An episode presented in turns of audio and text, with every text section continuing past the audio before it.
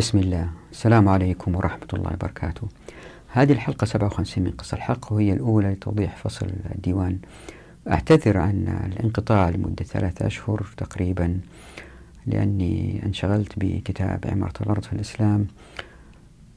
آه، كانت فرصة جيدة أني أضعه بالألوان وبالمزيد من الصور حتى تتضح الفكرة للإخوان المتابعين اللي هم ما عندهم فكرة عن التنمية. وبعضهم يتحدث بالاقتصاد بدون ربط التنمية بالعمران فكان لابد من أنه كتاب عمارة الأرض يكون نوعا ما جذاب. فوضعته في الإنترنت ووضعت الرابط أسفل الشاشة إذا حب أحد. يأخذ فكرة عن علاقة آه، الحقوق بالعمران وتأثير ذلك في آه، طرق اتخاذ القرارات. وأعتقد هذه حلقة وصل مهمة يفتقدها كثير ممن يتحدثوا في الاقتصاد الإسلامي. سبب آخر أنه كتبت مقالتين تجدوها في أكاديميا إيديو ولا ريسيرش جيت باللغة الإنجليزية عن الاستدامة واستحالة أن البشرية تصل إلى الاستدامة من غير الحقوق في الشريعة. أوضح فقط بعض النقاط في هذه المقالتين. فأعتذر عن هذا التأخير. سبب آه ثالث هو أني احترت حقيقة زي ما قلت لكم في آخر كم فيديو أني هل أقفز الفصول الثلاثة اللي هي الديوان والقذف بالغيب والمكوس وأذهب إلى الشركة لأنه في فصل الشركة وابن السبيل ابن السبيل يأتي أول ثم الشركة ثم فصل الفصل والوصل في هذه الفصول الثلاثة الإجابات عن واقعنا الحالي. فاحترت في هذه المسألة و أدت عدة اقتراحات مختلفة من الزملاء. رأيت الآتي أنه يستحيل أني أذهب مباشرة إلى الفصول الثلاثة التي تضع حلول لوضعنا الحالي لأنه في أفكار أساسية يجب أن تتضح ألا وهي مثلا نقد الاشتراكية والرأسمالية أفكار مثل كينز هايك هذول ناس مهمين في الاقتصاد في العالم الغربي. فلا بد من توضيح نقاط ضعف في نظرياتهم. لا بد من توضيح أفكار أساسية مثل الحاجيات والضروريات والكماليات في المستهلكات. لابد من مسألة مهمة هذه لأنه بكل بساطة يمكن يجوا علماء السلاطين ينتقدوا اللي ذهب من اللي شرحته في قص الحق في الحقوق مثلا ينتقدوا الديوان ببساطة. فلا بد من تفصيل هذه المسألة حتى يترددوا في الإقدام لأنهم يروا أن الأدلة كثيرة فبالتالي آه، يعني في نوع من الصعوبة عليهم. يمكن يأتوا بجديد أنا ما ما مر علي. وبكذا تنتشر المعرفة وتتقدم. إذا أتوا بشيء فاتني فجزاهم الله خير. فلا بد من وقفة مع الديوان زائد في بعض العلماء اللي هم لفهم الضعيف التنمية من علماء السلاطين بكل بساطة يستطيعوا أن ينتقدوا لذلك لابد من الرد عليهم وكان هذا آه، دور فصل المكوس وفي العالم الغربي قفزوا للنظريات الاقتصادية ولابد من فصل للرد على هذه الأسئلة اللي هو فصل القذف بالغيب. فكان من الصعوبة علي أني أقفز هذه الفصول الثلاثة لكن في الوقت ذاته يستحيل أنه نمشي بنفس الوتيرة اللي كنا ماشيين فيها في السابق. في السابق يعني كنت كل عشر صفحات أعملها في صفحة في حلقة. الآن صعب هذا لأن يمكن نحتاج الله أعلم أكثر من خمسين حلقة لتغطية هذه المسألة بهذا التفصيل. لذلك رأيت أنه أمسك المسألة بالنص. لا أقفز هذه الثلاث الفصول ولا في نفس الوقت أني آه، أمشي بنفس الوتيرة. فلا بد أنه نمشي بسرعة أسرع.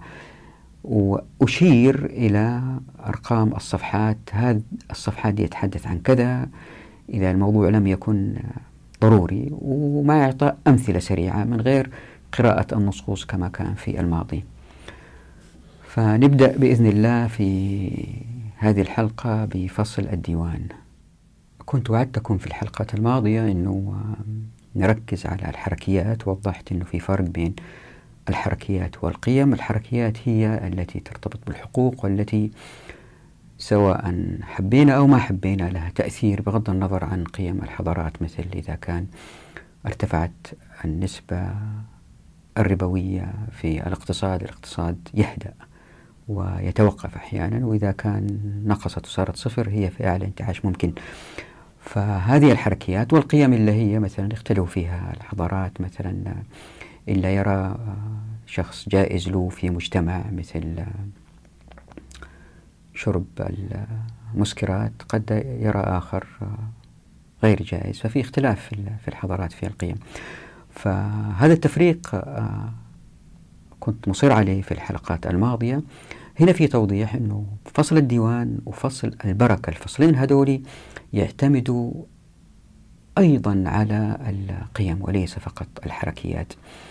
فلذلك هذا الفصل الديوان قد لا يقنع الكثير من الباحثين لأنه مبني على قال الله عز وجل قال الرسول صلى الله عليه وسلم.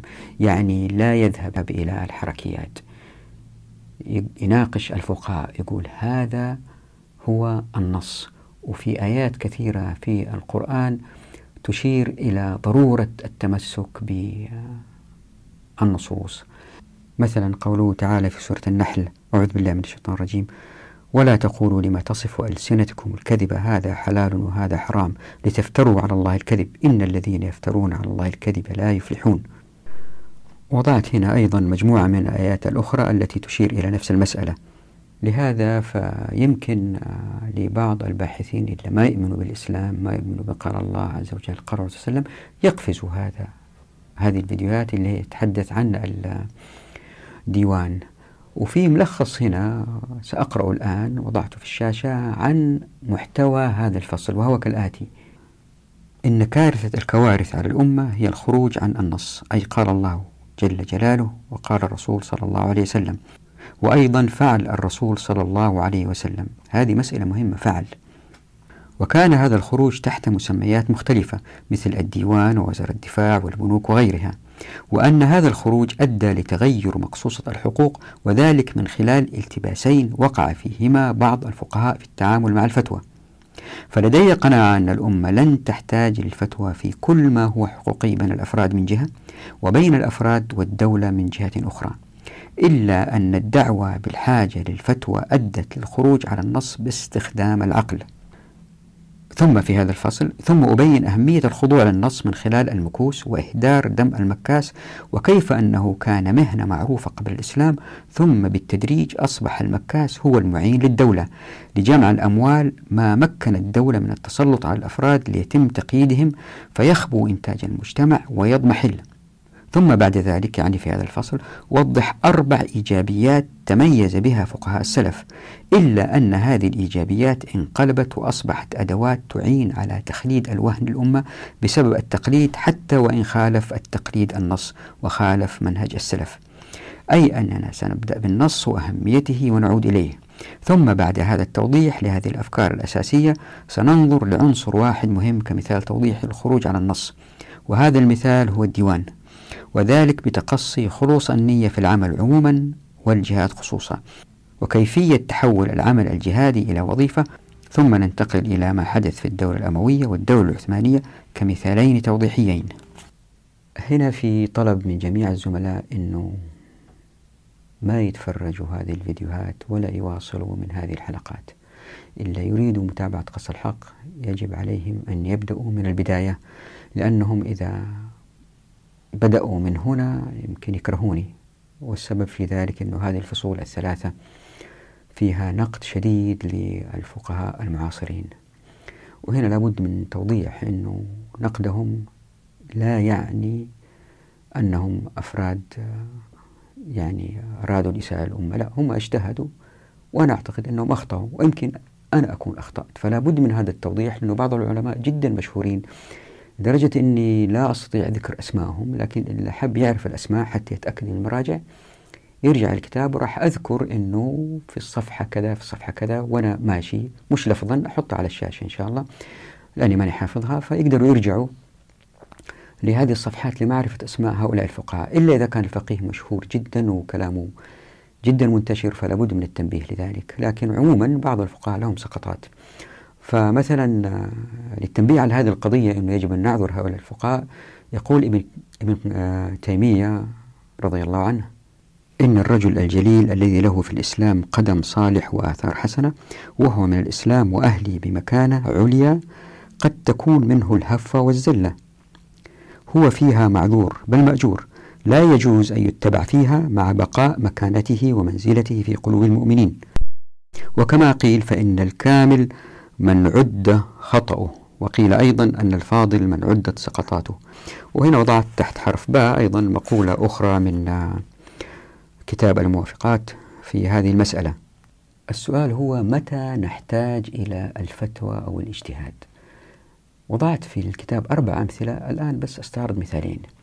في بلاد الحرمين في برنامج اسمه سؤال على الهاتف يمكن قبل حوالي عشرين سنة لما كنت أكتب هذه الفصول مواطن سأل الشيخ قال له أنا مواطن وفي شخص غير مواطن يريد أن يفتح محل تجاري لكن الأنظمة ما تسمح له لأنه فقط تسمح للمواطنين هل يجوز لي أن أفتح محل باسمي هو يعمل فيه هو يكسب؟ كان جواب الشيخ واضح وبوضوح وبيقول له بالنص بأن هذا تستر على أنظمة الدولة التي وضعها ولاة الأمر. ما رجع لقال الله عز وجل وقال الرسول صلى الله عليه وسلم. لأنه لو رجع ما يطلع بنتيجة. راح تكون أقوال الشريعة ضده. إيش يسوي؟ رجع للأنظمة إلا وضعه ولاة الأمر. هذا الشيخ ما عنده أدنى إدراك للعلاقة بين التنمية للأمة والنشاطات للأفراد وأهمية أنه الإنسان ما يجلس عاطل ويشتغل وينتج. لأنه في مخه في مخه فقط أنه المجتمع المسلم الآن مجزأ إلى أجزاء بناء على سايسبيكو ويجب يعني إحنا وضع الحالنا كذا أو ما نعرف إيش. هذه علماء السلاطين. هؤلاء هم علماء السلاطين. يجب أن نستمر في هذا الحال وبالتالي هذا يؤدي إلى إضعاف الأمة. هل إن سئل أحد الخلفاء الراشدين هذا السؤال كان يجاوب بهذا الجواب؟ وفين نروح من يا أيها الذين آمنوا التي ذكرت في القرآن 89 مرة وما قالت يا أيها المصريين أو السوريين أو اليمنيين أو المثال الثاني كان عن حكم الجهاد في العراق أيام غزو الأمريكان العراق. والمثال الثالث كان عن دفع الجمارك هو مفتي كبير جدا وقال لا يجوز التهرب من الجمارك لأنه شخص يريد التهرب من الجمارك لأنه هذا تحايل والدولة تحتاج الأموال لنفقاتها. طبعا في ذهن هذا الشيخ أنه لابد من الأموال للدولة. وإحنا زي ما شفنا في الحلقات السابقة أن الشريعة تحاول قفل الأبواب التي تأتي بالأموال الدولة المثال الرابع اللي نبغى نتكلم عنه ألا هو أنه شخص سأل شيخ قال له هل يجوز دفع الزكاة اللي هي للجهاد في سبيل الله الآن لتحفيظ القرآن. الشيخ قالوا نعم الآن ما في جهاد وخلاص يجوز دفع الأموال لتحفيظ القرآن. السؤال اللي نسأله هنا يعني أي شخص يسأله متى كان دفع أموال في سبيل الله اللي هي من الزكاة الأصناف الثمانية متى كان أوجب أن تحفى أن تدفع لحفظة القرآن؟ الآن أم أيام الرسول صلى الله عليه وسلم؟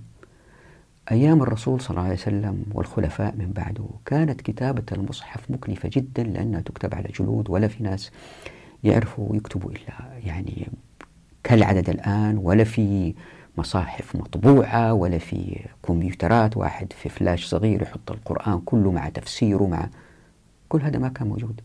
الآن هذا كله متوفر وموجود. يعني إذا أول بالحاجة الشديدة التي يجب أن نحفظ فيها القرآن في بعض الكتب المكلفة من الجلد أو في الصدور. ذاك الوقت أولى أو الآن أولى. لكن علماء السلاطين يوجهوا الأموال بعيدة عن الجهاد حتى تستديم هذه الحكومات.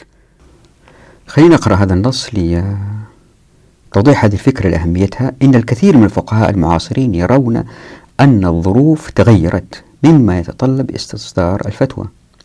والسؤال هو هل هذا صحيح؟ يعني هل صحيح أنه اللي ذهبوا إليه الفقهاء المعاصرين أنه الظروف تغيرت وهذا يتطلب استصدار الفتوى؟ هذه المسألة يجب أن نناقشها. هل هذا صحيح؟ طبعا إن العالم في تغير مستمر كما هو معلوم وهذا يتطلب تغير الأحكام كما يقول بعض الفقهاء. هنا الإشكالية التي تتجلى في السؤال الآتي ما معنى تغير الأحكام؟ إن المقولة بأن الإسلام دين صالح لكل زمان ومكان مقولة لا نقاش فيها إلا أنها إن وضعت في إطار التغير الزماني والمكاني فهي تعني تغير الأحكام بالضرورة لأن الزمان والمكان قد تغيرا كيف؟ لقد أتى الإسلام مكتملا ألم يقل سبحانه وتعالى ما فرطنا في الكتاب من شيء ألم يقل أيضا اليوم أكملت لكم دينكم وأتممت عليكم نعمتي ورضيت لكم الإسلام دينا. ألم يقل أيضا ونزلنا عليك الكتاب تبيانا لكل شيء وهدى ورحمة وبشرى للمسلمين. وطبعا في آيات كثيرة في هذه المسألة. وهذه الآيات ما تترك لأي عالم أي مجال للإتيان بحكم جديد لأن الدين مكتمل. لكن في الوقت ذاته هناك قوله تعالى أعوذ بالله من الشيطان الرجيم. وإذا جاءهم أمر من الأمن أو الخوف أذاعوا به ولو ردوه إلى الرسول وإلى أولي الأمر منهم لعلمه الذين يستنبطونه منهم ولولا فضل الله عليكم ورحمته لاتبعتم الشيطان إلا قليلا. والسؤال هو الآن كيف نجمع بين الاجتهاد وهذه الآيات؟ للإجابة لابد أن ننتبه إلى التباسين وقع فيها الفقهاء المعاصرين. الالتباس الأول ماهية المستجدات والالتباس الثاني عن مقصوصة الحقوق. هذه نأجلها للحلقة القادمة إن شاء الله ومضطر في هذه الأيام بسبب كورونا إني آه، أختصر الحلقات لأني بأرفع الفيديوهات من المنزل والرفع من المنزل آه، صعب يعني يا دوب الواحد يرفع عشرة جيجا. بينما في السابق كنت أرفع من الجامعة فكان الرفع جدا سريع. نراكم على خير وفي أمان الله.